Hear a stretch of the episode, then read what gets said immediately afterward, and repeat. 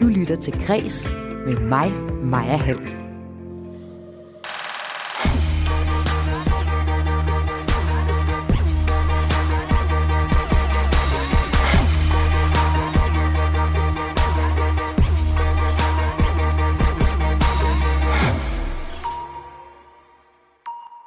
Karoline Henderson giver hyldeskoncerter til sorte kvindelige kunstnere gennem musikhistorien. Selv har hun oplevet at være hende den spændende, eksotiske brune sanger, og har været usikker på, hvornår danskerne var klar til hyldeskoncerterne. En ny skat på bøger for bogbloggere til at rase, og krimiforfatter Sara Bladel kalder skatten for forfærdelig. Du kan også høre om nomineringerne til Bodilprisen og om et kattebillede, nærmere bestemt et kattememe, der er blevet solgt til flere milliarder kroner. Jeg hedder Maja Hall. Velkommen til Kres.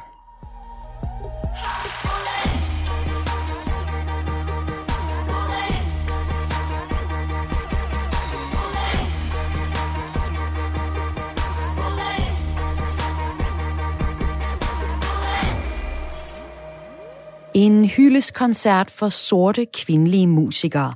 Er danskerne parat til det? Sådan tænkte musiker Karoline Henderson, da hun for et par år siden fik ideen. Nu er koncerterne planlagt og så godt som udsolgt, og jeg taler den næste halve time med Karoline Henderson om, hvorfor hun personligt gerne vil hylde sorte kvindelige musikere. Det er nemlig sådan, at hver mandag, der stiller jeg skarp på en historie eller en person, der er særlig interessant, og giver plads til, at vi fordyber os i historien. Og i dag, så er der altså musikhistorie på programmet.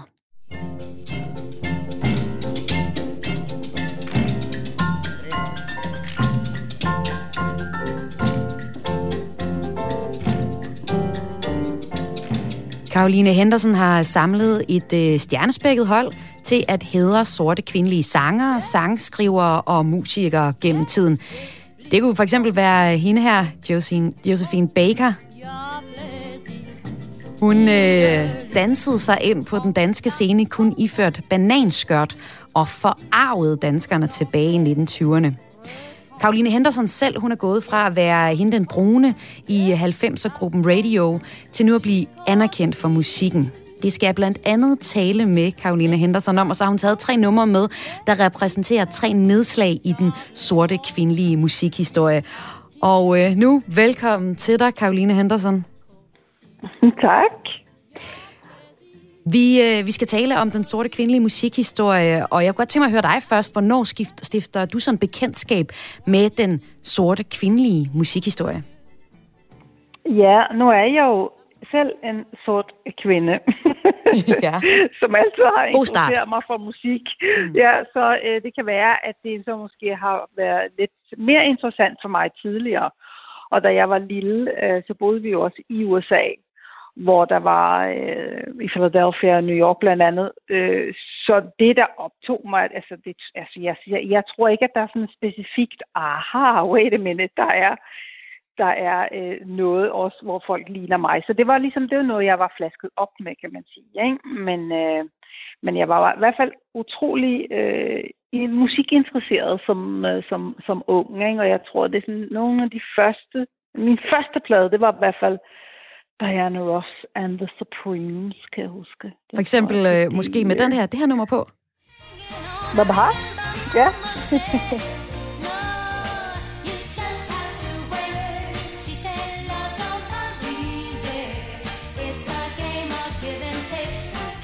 Jeps, The Diron Ross and The Supremes. En af dine første plader. Ja. Og, ja, øh, det var, det var i hvert fald den, jeg købte selv, kan jeg huske. Jeg synes, at de var simpelthen helt fantastiske. Og, det, og så Jackson 5, uh, Michael, uh, hvad hedder det, Michael Jacksons uh, brødre der, de havde sådan et, en gruppe, der hed Jackson 5, og han var jo bare så sød, synes man, dengang. Yeah, yeah. Og uh, ja, så ja, så de to plader, han er jo så ikke en kvinde, og dog, men oh, han kom til at se lidt mærkelig ud, så det, men anyway, så Diana Ross and the Supremes, det var i hvert fald den, den første, ligesom sådan, hvor jeg stiftede bekendtskab med sort kvindelig musik. Ja. Og Karoline, som du sagde, så øh, altså, du har haft en opvækst i øh, USA blandt andet. Du er egentlig øh, født i øh, Stockholm med en svensk mor og en amerikansk far. Og så opvokset blandt andet i 60'ernes ret raceopdelte USA. Så oplevede du personligt øh, racisme i USA på det tidspunkt her? Øh, jamen, det, det, det, det gør alle. Altså, det gør, altså, sådan er det jo. Det har vi jo været vidner til i nyere tid. Ikke? Så, så der er jo ikke noget odiøst i det, eller nyt eller spændende, kan man så sige, i den samtale. Andet end, at, at det kan vi jo så desværre se, at øh, x antal mange år siden, så, så er det samme situation i USA. Men hvad jeg så synes, eller måske at det flyttet sig en lille bit smule, men ikke nok. Men det, jeg synes også er interessant, det er, at vi har jo også den situation i Europa og i Skandinavien, og, og der har vi måske ikke været så opmærksomme på, at det findes. Så vi har brugt utrolig meget tid på at diskutere, hvad ved det findes, og hvordan det findes, og hvordan det ligesom, hvilket udtryk osv. osv. Så den har været sådan lidt svær at, at komme igennem. Især når man er, jeg øh, er jo også en, en, en skandinavisk, i høj grad nordisk pige, er født i Stockholm, jeg har boet i Danmark næsten hele mit voksne liv. Men alligevel så har man måske ikke følt sig inkluderet altid. Okay, hvordan det? Øh, jamen, du ved, når man så ligesom, øh, kan man sige, sådan nogle hverdagsting, øh, fra jeg var lille og også frem til nu, kan man sige, ikke? så mm. det du ser på film, det du ser i tv-serier, det du ser i reklamer, det du ser i bladene, det du ser, altså jeg nævner i flæng, altså et hverdagsbillede, mm. så, så ser du måske ikke øh, personer som jeg øh, så repræsenteret. Det er som om, at man er usynlig. Og måske skønhedsidealet, øh, både med hvad hår og hudfarve, øjenfarve osv., øh, og det er jo helt fra måske man er lille og ser ved, øh, Disney-show, eller hvad det ellers har været, ikke? så er, øh, er hvad skal jeg sige, folk af min hudfarve og udseende har ikke været repræsenteret som et skønt ja, det er der så ligesom øh, begyndt at se nu øh, ske en, en, for, en markant forskel nu. Ikke? Men, men ja, på den måde, så, så føler man sig jo sådan lidt ved siden af, hvis du forstår, hvad jeg mener. Det har du gjort igennem din, din øh, opvækst. Og hvor lang tid er du, føler du dig egentlig ved siden af? Jamen, jeg ved ikke, om jeg føler mig... Ved, altså, jeg har det jo virkelig godt med der, hvor jeg er, og er fuldt ligesom... Øh, hvad skal man sige, stolt af, at det ophav, etniske ophav, jeg har på begge sider. Der er slet ikke noget med det, men det er klart, at når man så øh, i, bor i et samfund, som du definerer som hjemme, mm. og du skal gøre opmærksom på, at det er mit hjem, det mm. er mit sprog, det er min kultur, jeg har ret til det og det. Og, det, altså, og jeg synes jo, det har aldrig været interessant for mig at sidde og snakke om egentlig, for det kan jeg huske meget, da jeg var yngre. Når man er der nogen, der har sagt noget dumt til dig, eller hvordan du føler. altså sådan nogle ting. Det synes jeg, jeg synes, at det er interessant som samfund at sige, jamen, hvordan kan vi, hvordan kan vi gøre det bedre? Hvad, hvad kan vi fokusere på? Hvordan kan vi have en sund debat, en god diskussion? Og hvad, hvad kan vi mødes om? Og øh, det skal vi tale om den næste halve time, hvor vi to går tæt på den sorte kvindelige musikhistorie. Og her kommer lige en uh, introduktion til Caroline Hendersons diskografi og arbejde. Det er ret imponerende, så uh, hæng på her. I øh, uh, 89 der blev Karoline Henderson landskendt i duoen Radio med Maria Bramsen, og der lavede de hits som Efterår, Mandagsstævne møde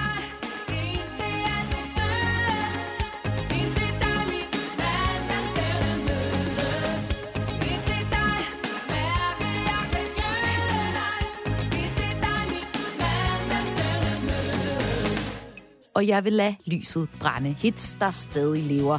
I hvert fald rigtig godt på min pladespiller.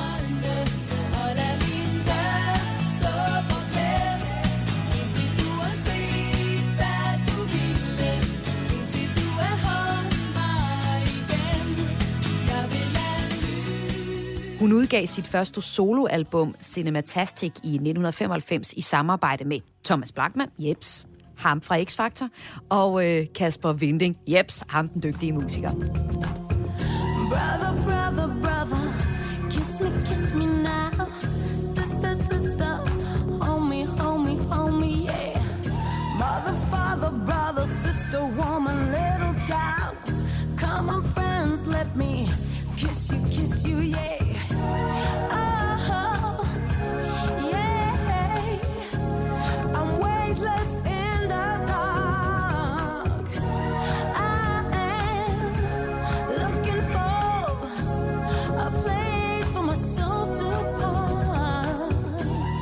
Siden har hun udgivet 11 soloalbums og etableret sig med Don't Explain fra 2003 som mere rendyrket jazzsangerinde.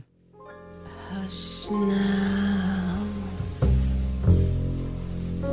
Don't explain. Karoline Henderson øh, har også arbejdet tv, teater og film. Hun har sine traditionsrige julekoncerter landet over hvert år, og sidste år udgav hun albummet Den Danske Sang.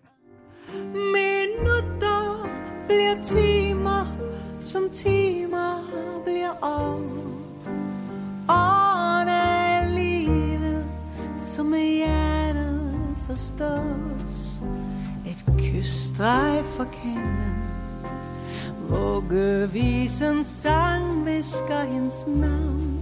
Du finder ro i dit savn.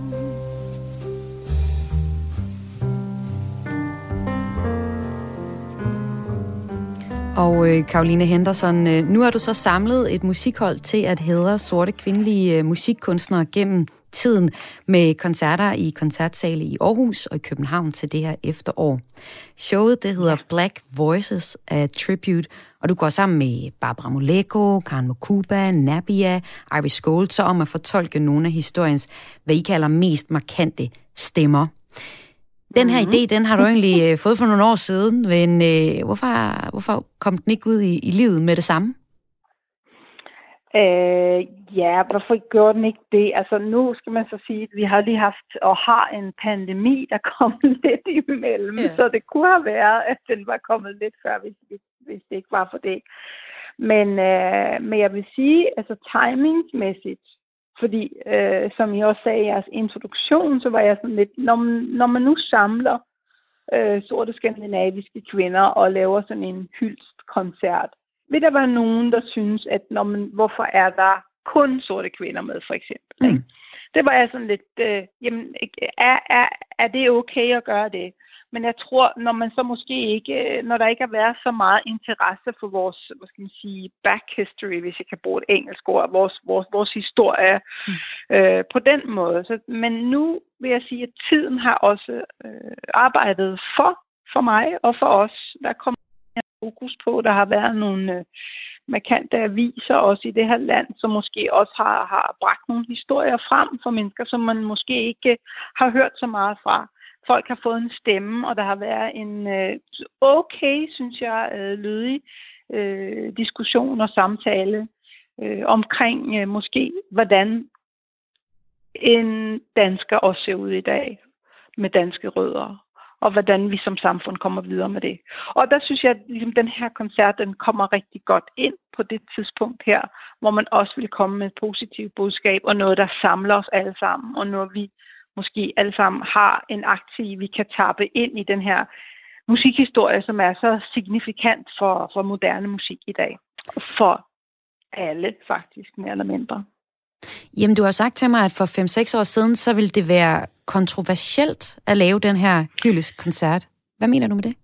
Jeg, jeg ved ikke, om det ville have været kontroversielt. Jeg, jeg, jeg, var, jeg var måske lidt bange for, at det ville være det, men det er ikke sikkert. Altså, det er måske bare mig, som har været lidt paranoid. Øh, netop fordi hver gang jeg har ytret mig om, at jamen, det her, det kan være svært at være en skandinavisk sort kvinde. Det kan være, når, når som sagt, du ikke har haft de der rollemodeller i samfundet som sådan, at sige, at det her er noget, som er mit musikarv også. Ikke?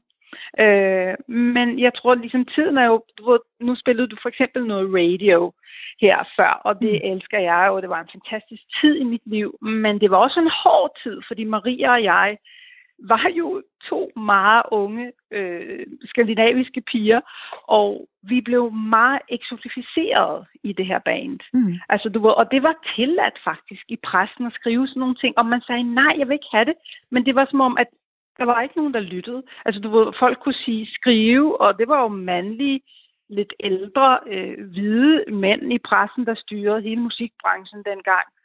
Og øh, det var jo tilladt at skrive sådan nogle ting. Saten chokoladebrune sangerinde, eller den nukafarvede Karoline Henderson svarede, eller du ved, og det, det, var, det var okay. Hvad fik... Jeg synes jo ikke, at det var okay. Nej, hvad fik Men det, det dig til at, sige... at føle, når, når, når der blev skrevet på den måde? Hvad siger du? Hvad fik det, det der til at føle, når der blev skrevet på den måde? Jamen altså, øh, jeg ved ikke engang, om jeg kan svare på det spørgsmål, fordi det er jo bare så uværdigt på alle måder. Og i dag, så vil man jo selvfølgelig sige, at, at du, man vil aldrig gå over den grænse. Nu er det jo øh, mange år siden, og der er sket rigtig meget. Men det er det, jeg siger, det er det, vi kommer ud af. Det er det, der vi kommer ud af, og det er måske 20 år siden, eller 25 år siden eller mere i dag. Men alligevel, det var ligesom starten. Det var der, man startede som ung, ikke? så man mm. skulle pløje sig igennem. Prøv at høre, jeg kan ikke lide, at du kalder mig for det. Jeg kan ikke lide, at når du skriver noget om mig, så skal du kommentere min hudfarve, eller min hårfarve, eller, eller, eller hvordan jeg ser ud, eller hvor eksotisk jeg er, osv. osv. At man har haft sådan et stigma, som har været med, som, som, som har været, skal man sige, har fjernet fra personen. Så det er der, vi kommer fra. Så det kan sige, at med min historie, så har jeg tænkt, hvad så hvis man laver sådan en koncert som den her? Øh, vil det så være en god ting? Jeg synes jo, at det er en super, super positiv ting. Så jeg er glad for den timing, der er nu. Øh, for det virker som om, nu er koncerterne, de sælger rigtig godt, og vi glæder os helt vildt meget til at gøre det her. For som sagt, så er det jo en, en hyldskoncert. Det er, jo, det er jo noget, vi kan samles om det er jo en så stor del af vores allesammens øh, musikhistorier fra Billie Holiday til Beyoncé, som sikker på, at du også spiller i din radio nogle, nogle af de sange, som vi måske skal, skal synge til den her øh, koncert, ikke? Jo, og du har jo så også valgt øh, tre musiknumre, som vi skal tale ud fra, når vi skal prøve at se på ja. den sorte kvindelige øh, musikhistorie, og lad os øh, gøre det. Du lytter til Græs med mig, Maja Hall. Og med mig har jeg Karoline Henderson, som øh, hvor mig og Karoline er i gang med at undersøge den sorte kvindelige musikhistorie, fordi hun har samlet et øh, hold øh, kvinder til at hylde netop den til nogle liveshows her til efteråret. Og øh, vi skal sådan tage nogle nedslag i historien, og den første, øh, jeg valgte, det var, musikken kommer til Danmark. Og til det, mm-hmm. øh, den overskrift, der har du valgt et nummer med Josephine Baker, øh, mm-hmm. et fransk nummer, der hedder Je de Amour. Og øh, hvorfor har du valgt netop det her nummer til at repræsentere, da musikken kommer til Danmark? Ja, den er Je, Je des Amours. Jeg har to øh, kærligheder, eller ja, jeg to, er det rigtigt? som jeg elsker. Ja, ja øh, hvad hedder det? Jamen, det valgte jeg, fordi det var nok måske første gang i Danmark i hvert fald, man havde set en sort kvinde øh, i livslevende liv. Og Josephine Baker, som jo var fra USA, hun øh, flyttede til Paris, og, eller Frankrig, og blev super, super, super star. Og så kom hun så til Danmark, øh, og det gjorde hun i 1928 første gang. Og der, jeg ved ikke, der var flere tusind mennesker på hovedbanegården, ja. for at de havde aldrig set måske sådan en kvinde som hende før. Men hun øh, blev faktisk et, øh, hvad skal man sige, musikikon, eller i hvert fald øh, en entertainer, og kom tilbage og havde et stort publikum i Danmark, altså frem til sin død i, i 60'erne engang. Så øh, det synes jeg var spændende at have hende med. Det var ligesom hende, der blev... Altså, og hun op, altså, hvad hun oplevede, så kan man så sige, at det er så peanuts, det jeg sidder og snakker om, fordi der var et ramaskrig, da hun kom til byen, til København første gang, at nu hun havde virkelig dårlig indflydelse på på de unge mennesker, fordi hun var så primitiv, og hun dansede alt for eksotisk, og hun var sexet, og hvad hun ikke kunne altså, gøre ved den danske ungdom, og så videre. Ikke? Lad os, bare lige, øh, ja, lad os bare lige høre lidt øh, fra nummeret øh, her, bare lige så vi får en fornemmelse om, hvem vi er, vi taler ja. om. Ja.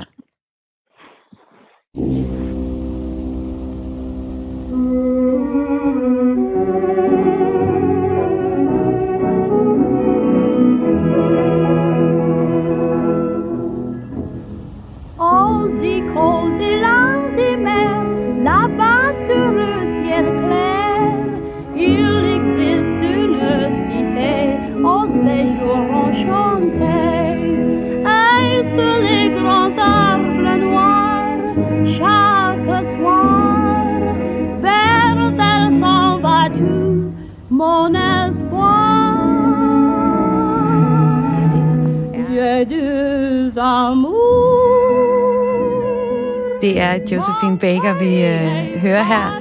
Og altså det første musiknedslag, vi laver, Karoline Henderson og jeg. Og øh, Karoline, som du siger, så kom hun øh, til Danmark med et stort prostyr. Hun skulle optræde i Dagmartatets sommerrevyen. Og øh, der var faktisk 3.000 københavnere, der tog, ind, øh, tog, tog imod hende bare på hovedbanegården. De var fuldstændig ja. op at køre over hende her, fordi hun skulle optræde i et bananskørt og øh, med bare bryster. Og det var altså rigtig mange, der var forarvet over, blandt andet præsten Ejner Ege. Han har øh, for eksempel længe talt for, at Josefine Bakers besøg i Danmark skulle forbydes for ikke at nedbryde den gode moral. Politikken de skriver selv, at de dengang øh, forsvarede det. Det var øh, kulturkritikeren Paul Henningsen, der forsvarede hendes optræden, og han kaldte den naturlig og et forbillede for tidens unge kvinder. Og Karoline Henderson, du siger så, at det var peanuts, hvad hun oplevede dengang i 1928 i forhold til, hvad du har oplevet. Men du siger sådan, mm-hmm. til at starte med, så blev du af danskerne taget imod som en eksotisk brun kvindelig musiker, og senere hen, så har du mere oplevet, at du bliver respekteret som Karoline Henderson uden en hudfarve. Hvornår skete det skifte? Det tror jeg ikke, man kan sige øh, desværre på den måde, eller jeg ved ikke, om jeg skal sige, om det er desværre. Jeg tror, jeg har ikke øh, sådan, at danskerne, det vil jeg nok sige, at det er forkert at sige, at jeg har været opfattet på en måde af ligesom hele det danske folk, da jeg kom. Mere medievirkeligheden måske? Det, vi talte om, det var måske mere musikbranchen, ja, okay. den måde, da jeg startede. Ja da jeg var jo ret ung der, og, og så kom man ind, og så var man sådan og en af de brune piger, og så fik man måske et stigma af at være meget eksotisk eller super spændende, og sådan et eller andet image, man skulle leve op til, som man måske overhovedet ikke havde. Altså som jeg sagde også, måske var man bare sådan en, der sad derhjemme med et par træsko og drak te, men alligevel så fik man det her, fordi så var man jo, wow, der var noget mystisk, og folk kunne godt lide at kalde mig for Caroline, selvom jeg præsenterede mig som Karoline. Så jeg vil sige, det, det er jo også musikbranchens jeg skal sige, fordomme dengang. Ikke? Øh, men det er klart, som det er med det, det meste her i verden, at når vi lærer tingene at kende, så får man et forhold til det. Man, man ser personen, man ser måske ikke så meget udseende, eller noget, man øh, har en, en, en forfattet mening omkring, men man ser måske personen. Og det tror jeg, jeg har øh, oplevet gennem min musik, øh, fordi jeg også har interesseret mig meget for det land, jeg nu øh, øh, bor i, øh, og kulturen og så videre, ikke? og har tappet ind i det. Så jeg tror, det sådan har været gradvis, men, men det der med at starte med at være, uh, jamen du har også sådan noget hår, jamen så skal vi nok, eller hvis jeg mødte op til en fotosession, jamen du skal bare have nogle pangfarver, for det kan du klare, du ved, hvor man bare sådan, jamen jeg vil ikke have nogen pangfarver på. Så det er sådan nogle små ting, måske i hverdagen, som har været med, som man måske skulle frigøre sig fra. Øh, så jeg vil nok snart sige det på den måde, at det er sådan et, et, et langsomt skift. Ikke? Og det er også et lidt langsomt skifte, der skal til for, at danskerne sådan tager øh, alle musikere ind, også brune musikere ind. Men øh, vi bliver i hvert fald rigtig glade for det, folk i Danmark, af nummeret Aretha Franklin, Respect. Og det er også det nummer, mm-hmm. du har taget med til at repræsentere, da den store kvindelige musik hitter i Danmark. Altså, man kan sige så mange ting om det her nummer, men skal vi ikke lige starte med at høre det? Jo. Kommer det. Respect med Aretha Franklin.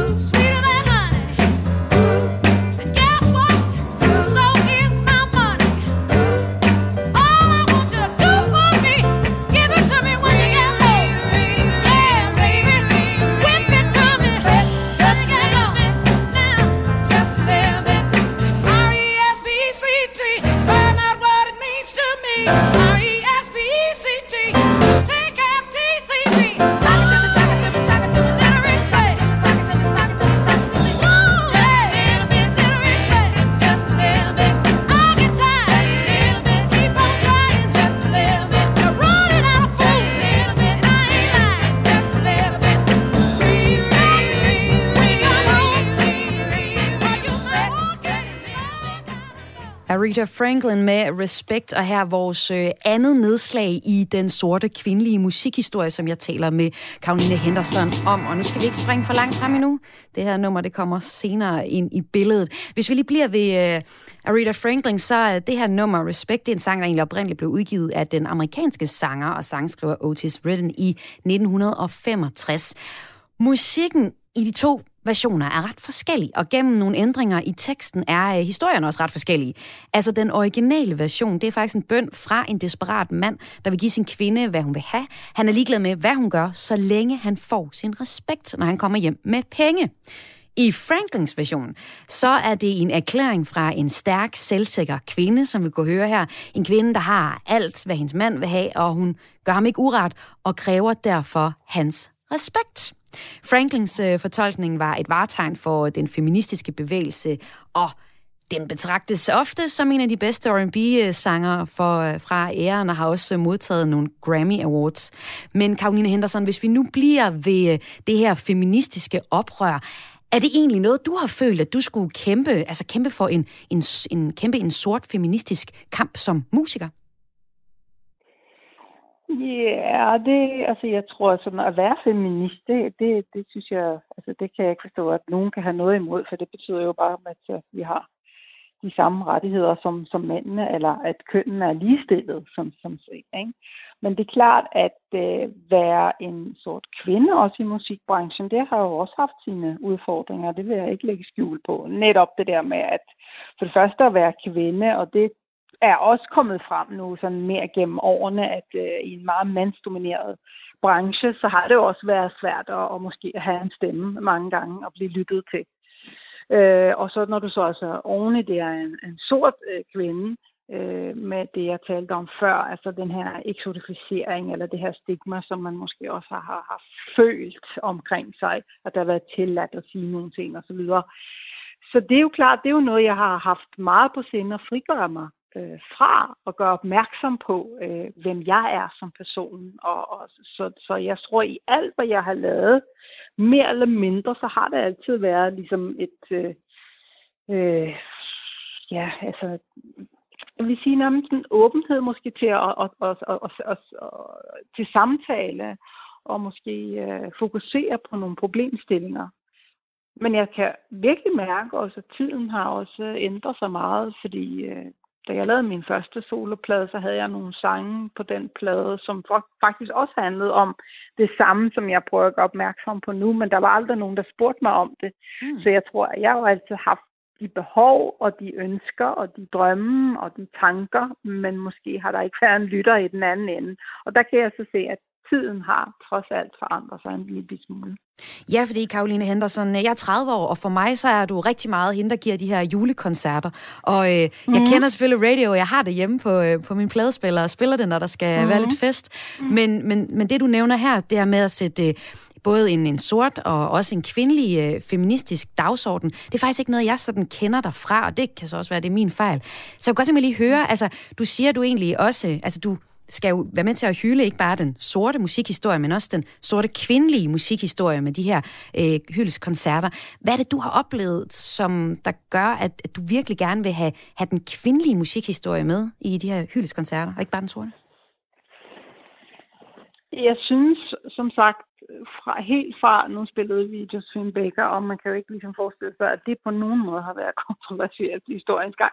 Men der er rigtig mange stærke kvinder i musikhistorien, og jeg synes generelt, at de står sådan lidt i, i skyggen af, af nogle af alle de her mænd, som har fået rigtig meget sendetid og taletid og musiktid hvor øh, kvinderne, ligesom kan man sammenligne også med kvindelige kunstnere, altså billedkunstnere, øh, og kvinder generelt, at vi sådan står måske lige, der, som om, at de andre har fået måske 100 meter for, øh, du ved, øh, foran. Ikke? Øh, og der synes jeg, at øh, det er meget vigtigt og enormt interessant og super spændende øh, og fokusere på den kvindelige sorte musikhistorie. Og, og nu taler jeg meget om at have en stemme og blive hørt, og det er også derfor, jeg har, vi har kaldt det her for, for Black Voices, fordi det er jo også en måde, som, øh, som kvindelige musikere, i det her tilfælde sorte kvindelige musikere og sanger, har fået lov til at have en stemme på. Altså har fået lov til at udtrykke, for eksempel nu, når du spiller Respect, Hun har, Rita Franklin har ikke kunne gå ud i pressen. Hun har ikke der er faktisk, hun er også født på et tidspunkt, hvor der har været ren apartheid i USA, så der er visse steder, hun ikke har været ikke har været muligt øh, øh, for hende at komme ind, altså på restauranter eller øh, koncertsteder, eller hvad man skal sige. Ikke? Øhm, men så har hun kunne få en stemme gennem den her sang, og det er jo enormt stærkt. Og sådan er der så mange kvinder i musikhistorien. Og hvis vi sådan hopper lidt frem, så har sådan en som Beyoncé mm-hmm. øh, jo virkelig været med til at sparke døre ind og også ligesom vise den anden side, for jeg tror, at, at, øh, at mange, og der har været sådan nogle, øh, Nina Simone, hvis du kender hende, en meget stærk øh, sanger og komponist og pianist, sort kvinde. Hun var meget vred også i sit liv. Ikke? Hun var meget vred over, over den måde, som hun blev behandlet uretfærdigt på. Og det kan man høre igennem hendes musik. Hendes musik bliver hyldet og dyrket stadigvæk den dag i dag.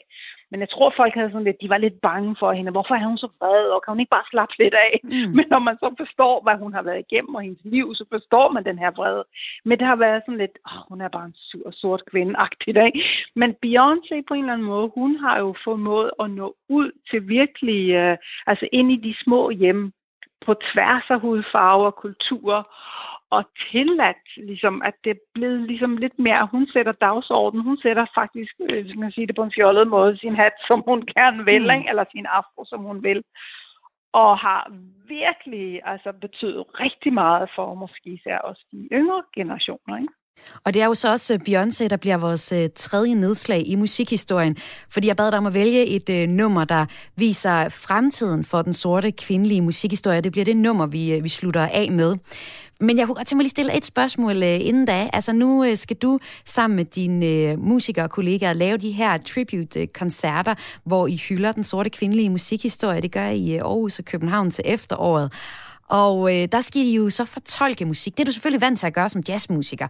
Du har beskæftiget dig meget med at synge andre menneskers musik, men øh, det er jo nogle det er det jo altid, men det her, det er jo også nogle enormt øh, historiske numre, som I kommer til at tage fat i. Du vil ikke helt sige, hvad det er for nogen, men det er jo i hvert fald fra Billie Holiday til Beyoncé er ligesom overskriften, så vi kan gætte lidt på, mm. hvad der kommer med. Jeg ved, du tidligere... Ja, det er i hvert fald vores øh, undertekst. Ja, ja. jeg ved, du tidligere i teaterforestillingen Diva i glas, der handler om fire mm. sorte kvinder og deres øh, baggrund i, i slavetiden, der fandt du et nummer, du faktisk ikke kunne synge, og det var nummeret Strange Fruit. Det er et øh, nummer, hvis øh, digt handler er en protest mod øh, lynchingen af sorte amerikanere, øh, hvor, hvor så frugten er ligesom det øh, billedet på, på lynchingen. Hvorfor er det, at et, et nummer som Strange Fruit, øh, at vi ikke kommer til at se dig øh, optræde med det her til efteråret? Ja, det øh, har jeg ikke sagt. Nå, nå, nå. Ja, det har jeg ikke sagt. Jeg har bare sagt, at det er et, et nummer, som jeg Øh, jeg blev spurgt, om der var nogle sange, som jeg var sådan lidt øh, bange for at, ja. at, at, at, at synge. Og ja. det er klart, det kan være alt for sådan noget, hvor man tænker, gider man at synge et Beyoncé-nummer og vide, altså man ved, at man gør det dårligere, for eksempel. gider man at stå og synge? Øh, altså der kan være så mange mm. ting, som er så øh, synonym med den person, så det kan være svært. Og så kan det øh, også være nogle sange, som har en, en, en, en hvad hedder det, et narrativ, som er så også synonym med den person eller en tid. Det kan jo være rigtig svært at stå i her, ligesom med alle de goder, vi har, og, og den baggrund, jeg har, øh, som er meget privilegeret, at stå og synge om, om slavetiden i USA i øh, 1930'erne for eksempel, og gøre det på en troværdig måde. Ikke? Så kan man sige, så kan man gøre det på sin, sin races vegne og sine forfædre og sådan noget. Men der, der kan være nogen, som øh, både sådan musikalsk, men også øh, historiemæssigt, hvor man tænker, uff, så er det. Men som jeg også plejer at sige, at de her sange, som vi jo kender, øh, og det kan jo være alt fra Aretha Franklin, Roberta Flack, Lauren Hill, Sade, Grace Jones, jeg nævner i flæng. Altså de sange og de sanger, de lever jo også af, at sangene og musikken bliver fortolket videre at de får et videre liv, at man ikke sådan bliver berøringsangst og tænker, åh nej, det kan jeg ikke, det er alt for et eller andet, ikke? Og nogle gange skal der også gå nogle år, du ved, det kan være, at der er min generation, tænker, nej, det kan jeg ikke synge, for det, det var et eller andet. Så kommer der en, der er yngre, som tænker, det der, det kan jeg sagtens, ikke? fordi jeg har ikke sammen. Eller, du ved, ikke? Så, så, så jeg tænker, at musik er jo faktisk, og det gælder al musik, synes jeg, at det er jo bare til for, at det skal fortolkes og fornyes og puttes ekstra lag på og få nye vinger. Det er som sådan en stafetpind. Og det lever ikke af, at det bliver sådan, du ved, museumsgensand, når man ikke må mm. røre det. Nej, det lever af, at vi hører det igen og igen og igen og igen. Og forstår betydningen, og så får det nye lag på. Og nu skal vi igen, igen, igen her i Kreds i hvert fald høre Beyoncé's nummer Freedom med Kendrick Lamar som uh, featuring. Og uh, det bliver det sidste nummer. Vi har taget turen ned i den uh, sorte kvindelige musikhistorie, Karoline Henderson og jeg. Og Karoline, tak fordi du var med her. Og pøj pøj tak, med. At udvælge de helt rigtige numre til koncerterne til efteråret. Nu hører vi her Beyoncé med Freedom.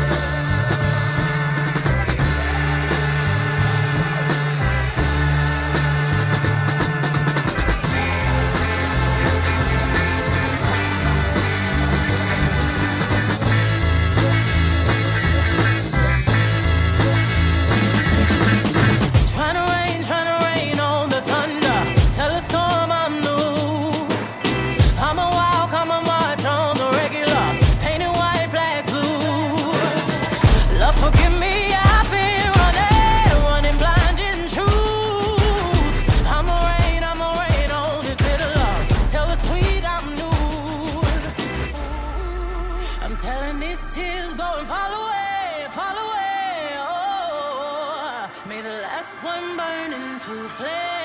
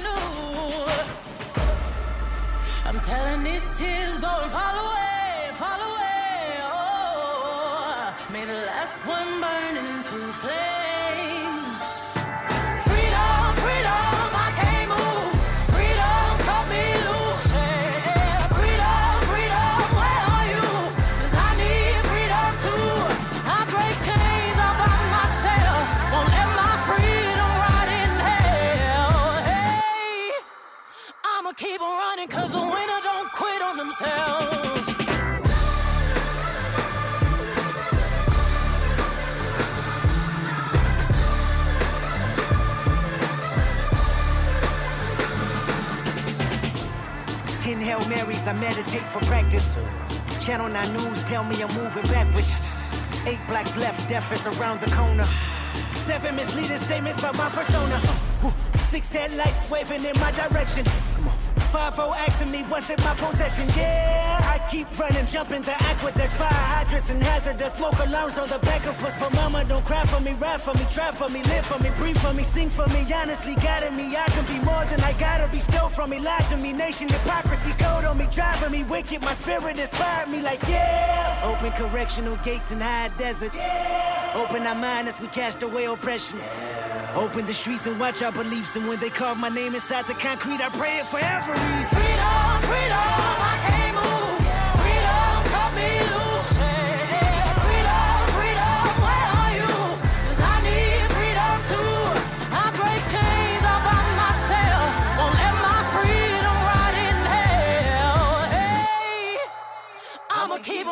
Cause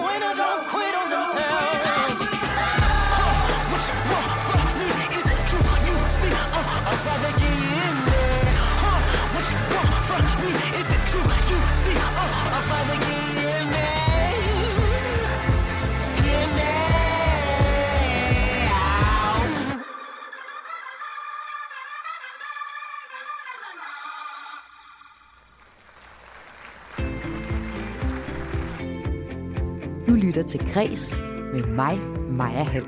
Og det sidste kvarter her i Græs i dag, der skal vi se lidt på nyhederne og de allermest interessante og fede nyheder fra kulturens verden i dag.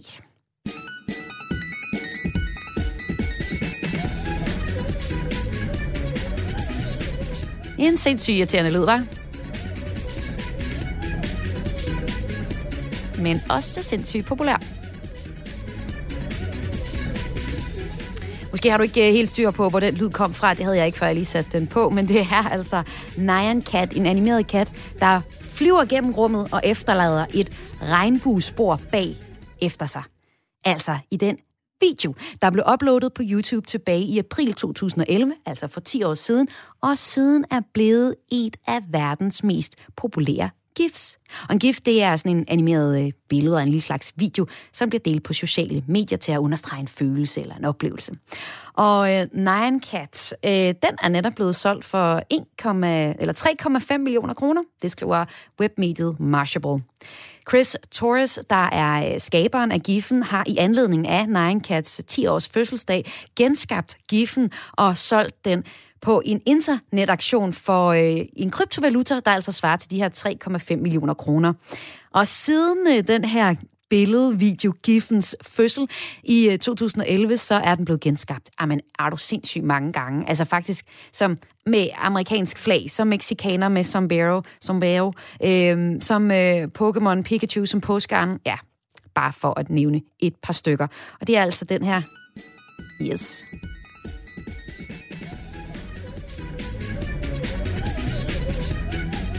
3,5 millioner kroner. Siger det bare, ikke?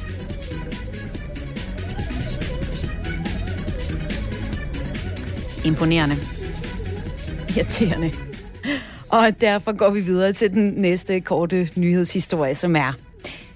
Og de nominerede er Bodilprisen er Danmarks ældste filmpris og uddeles af danske filmkritikere, altså en øh, samling af danske filmjournalister.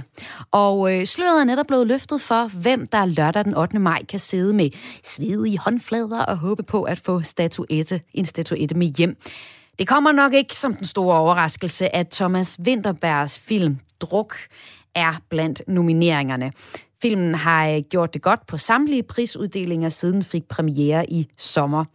Og øh, druk løber med fem nomineringer til årets Bodil, inklusiv hovedprisen for bedste danske film.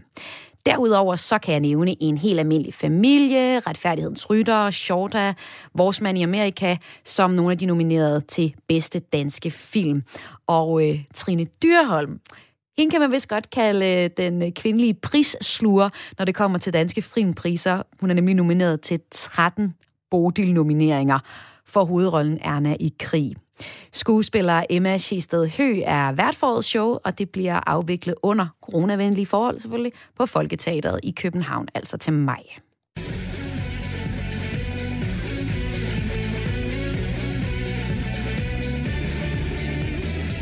Den populære og folkekære X-Factor værts vikar Melvin Kakusa trækker sig.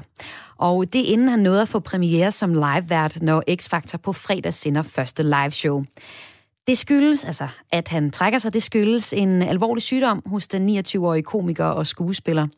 Melvin er blevet sygemeldt efter læger har fundet en tumor i hans hjerne. Og komikeren har i den seneste tid haft det dårligt, og læger har ved undersøgelse fundet en hjernetumor i hans baghoved. Tumoren er godartet og er nu blevet opereret væk. Melvin har ikke selv udtalt sig, men hans manager Jakob Ries siger i en pressemeddelelse, det er naturligvis et kæmpe chok for ham og hans familie, og de har nu brug for alt den ro, de kan få, for at han kan komme sig. Jeg håber og appellerer til forståelse for, at vi ikke har yderligere kommentarer i den kommende tid. Det er endnu ikke offentliggjort fra øh, TV2's side, hvem der kommer til at tage over for Melvin på fredag.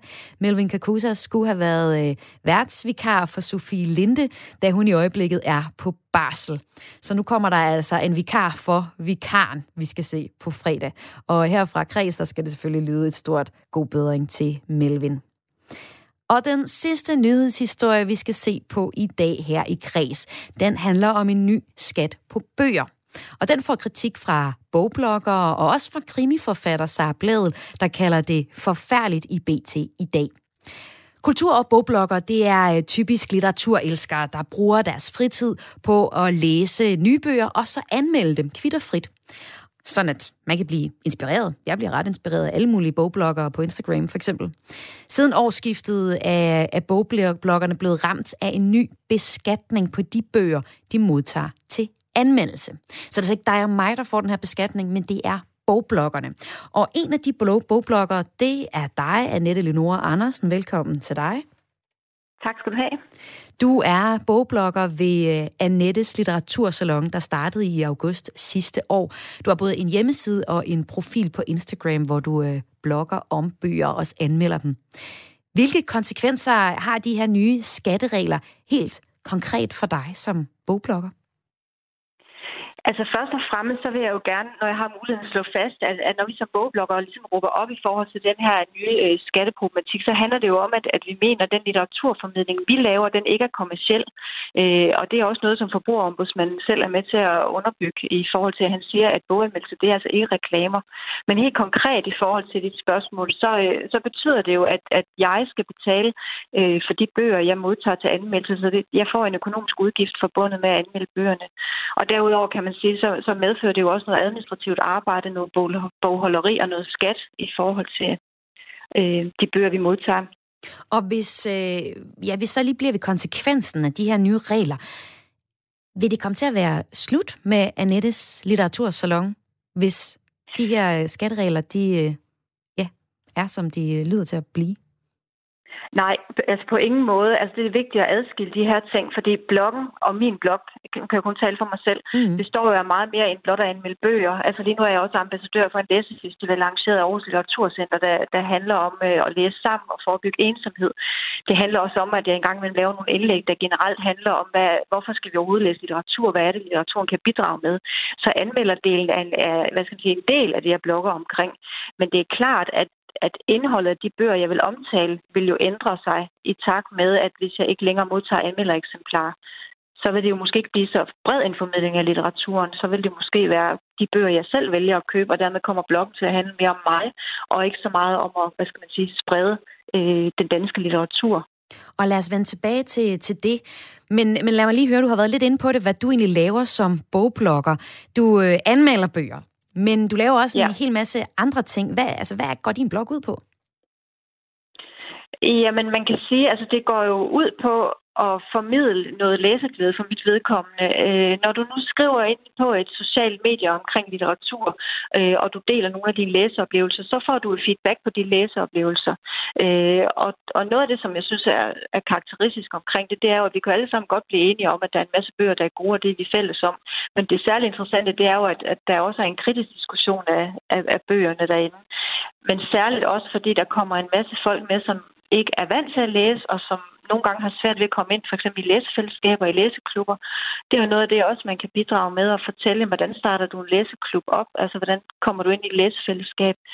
Nogle har sågar skrevet, at, øh, at de har en læsehastighed, der gør, at de slet ikke tør melde sig ind i en læseklub. Og der, der er et fællesskab der, som øh, handler om langt mere end det at anmelde bøger. Øh, så det er jo også at, at dykke ned i, hvad sker der lokalt i litteraturen for mit vedkommende i Aalborg.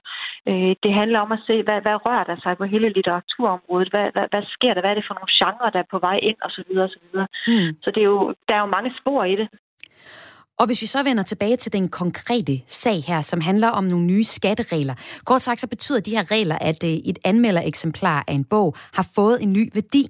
Det betyder, at den får samme værdi som en almindelig bog, man køber hos boghandleren. Det vil sige, de her typisk 250-350 kroner. Ja. Og det er så de penge, som øh, du som bogblogger skal beskattes af. Lige nu så er skatteminister Morten Bødskov ved at se på sagen og ved at finde ud af, hvordan de her regler helt praktisk kommer til at være, så det ved vi ikke alt om endnu. Det er jo ikke fordi, at du lever af at, at kunne bogblogge. Altså, du har for eksempel her i januar anmeldt tre bøger. Det er Carsten Jensen, Helle Helle og øh, Jesper Bukekold og Mik Vrå, som du har anmeldt bøger af. Når nu vil så tænke, altså er det ikke fair nok, at du betaler for de bøger, du læser, ligesom alle andre bogelskere skal gøre? Altså det, man kan sige, det er, at jeg køber rigtig mange bøger selv og betaler selv for de bøger. Øh, dem omtaler jeg også. Men når jeg anmelder bøger fra forlag, så handler det jo, altså så flytter fokus, som jeg også var lidt ind på før, fra mig og hvad jeg har lyst til at læse, men mere til at formidle den danske litteratur bredt. Nu har du lige taget fat i mit januar-eksempel. Hvis mm. du ligesom var gået lidt tilbage i tiden og kigget før jul, så vil du også kunne se, at jeg har flere anmeldelser øh, fra debutanter mm. og fra meget små forlag, øh, som jeg ved, er dybt taknemmelig for hele den her bloggerkultur, der gør, at deres bøger faktisk også bliver omtalt.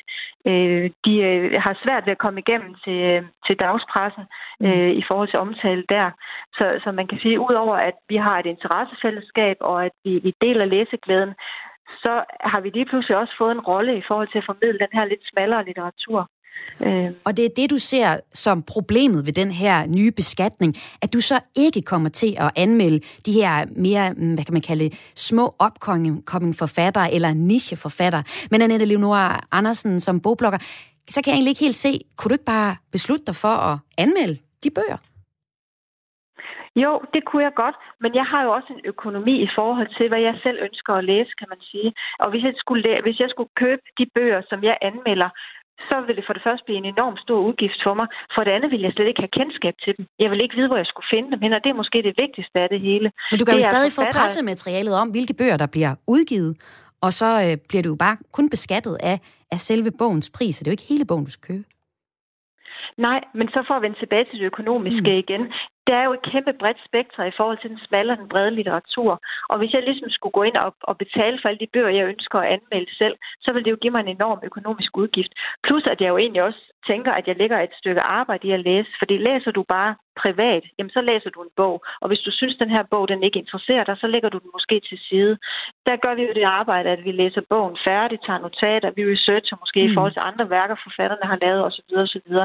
Så, så der ligger jo et arbejde i det at anmelde bøgerne. Det er jo ikke kun, at vi læser dem, og så synes, når er det en god bog, eller er det en dårlig bog. Mm.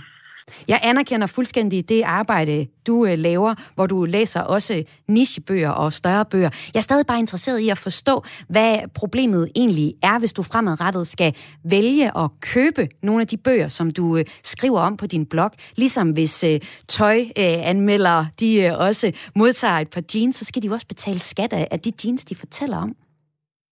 Ja, men det bliver igen det her med, at hvis jeg køber alle bøgerne selv, mm. så vil de bøger, der vil blive anmeldt, og nu er det, at vi skal holde det væk fra mig og så kigge på litteraturen, så vil den del, der vil blive anmeldt, stadigvæk være langt, langt mindre. Og det vil også stadigvæk være primært nogle mere kendte bøger, nogle mere kendte forfattere, man vil tage fat i. Så du... Altså mange af de der debutanter og de der meget små forlag, det er jo ikke nogen, man modtager pressemeddelelse fra. Det er jo forlag, man nærmest ikke ved, der eksisterer. Så er du i forvejen inde og lave et kæmpe researcharbejde i forhold til at finde ud af, at de eksisterer.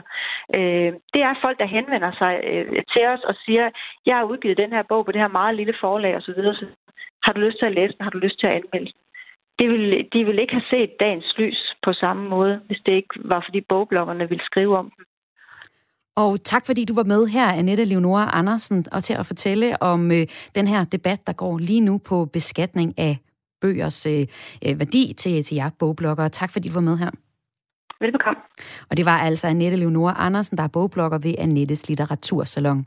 På forspørgsel fra skatteminister Morten Bødskov er styrelsen, altså Skattestyrelsen i øjeblikket, ved at finde ud af, om en nylig ændring i Skats vejledning for modtagelse af gaver reelt betyder, at bogblogger og andre ulønnede anmelder, altså også i teaterbranchen, fremadrettet skal beskattes af en bogs fulde markedsværdi, hvis de efter aftale modtager bogen som anmelder eksemplarer, det skriver Kulturmonitor.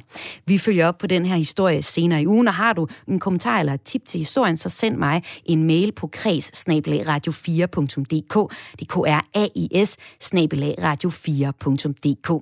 Du lytter til Kreds her på Radio 4. Programmet kom i hus med hjælp fra Isa Samuelsen. Jeg hedder Maja Hall, og vi lyttes ved igen i morgen kl. 14.05 eller så kan du altid finde Kreds på podcasten. Der går du bare ind og søger på Kreds.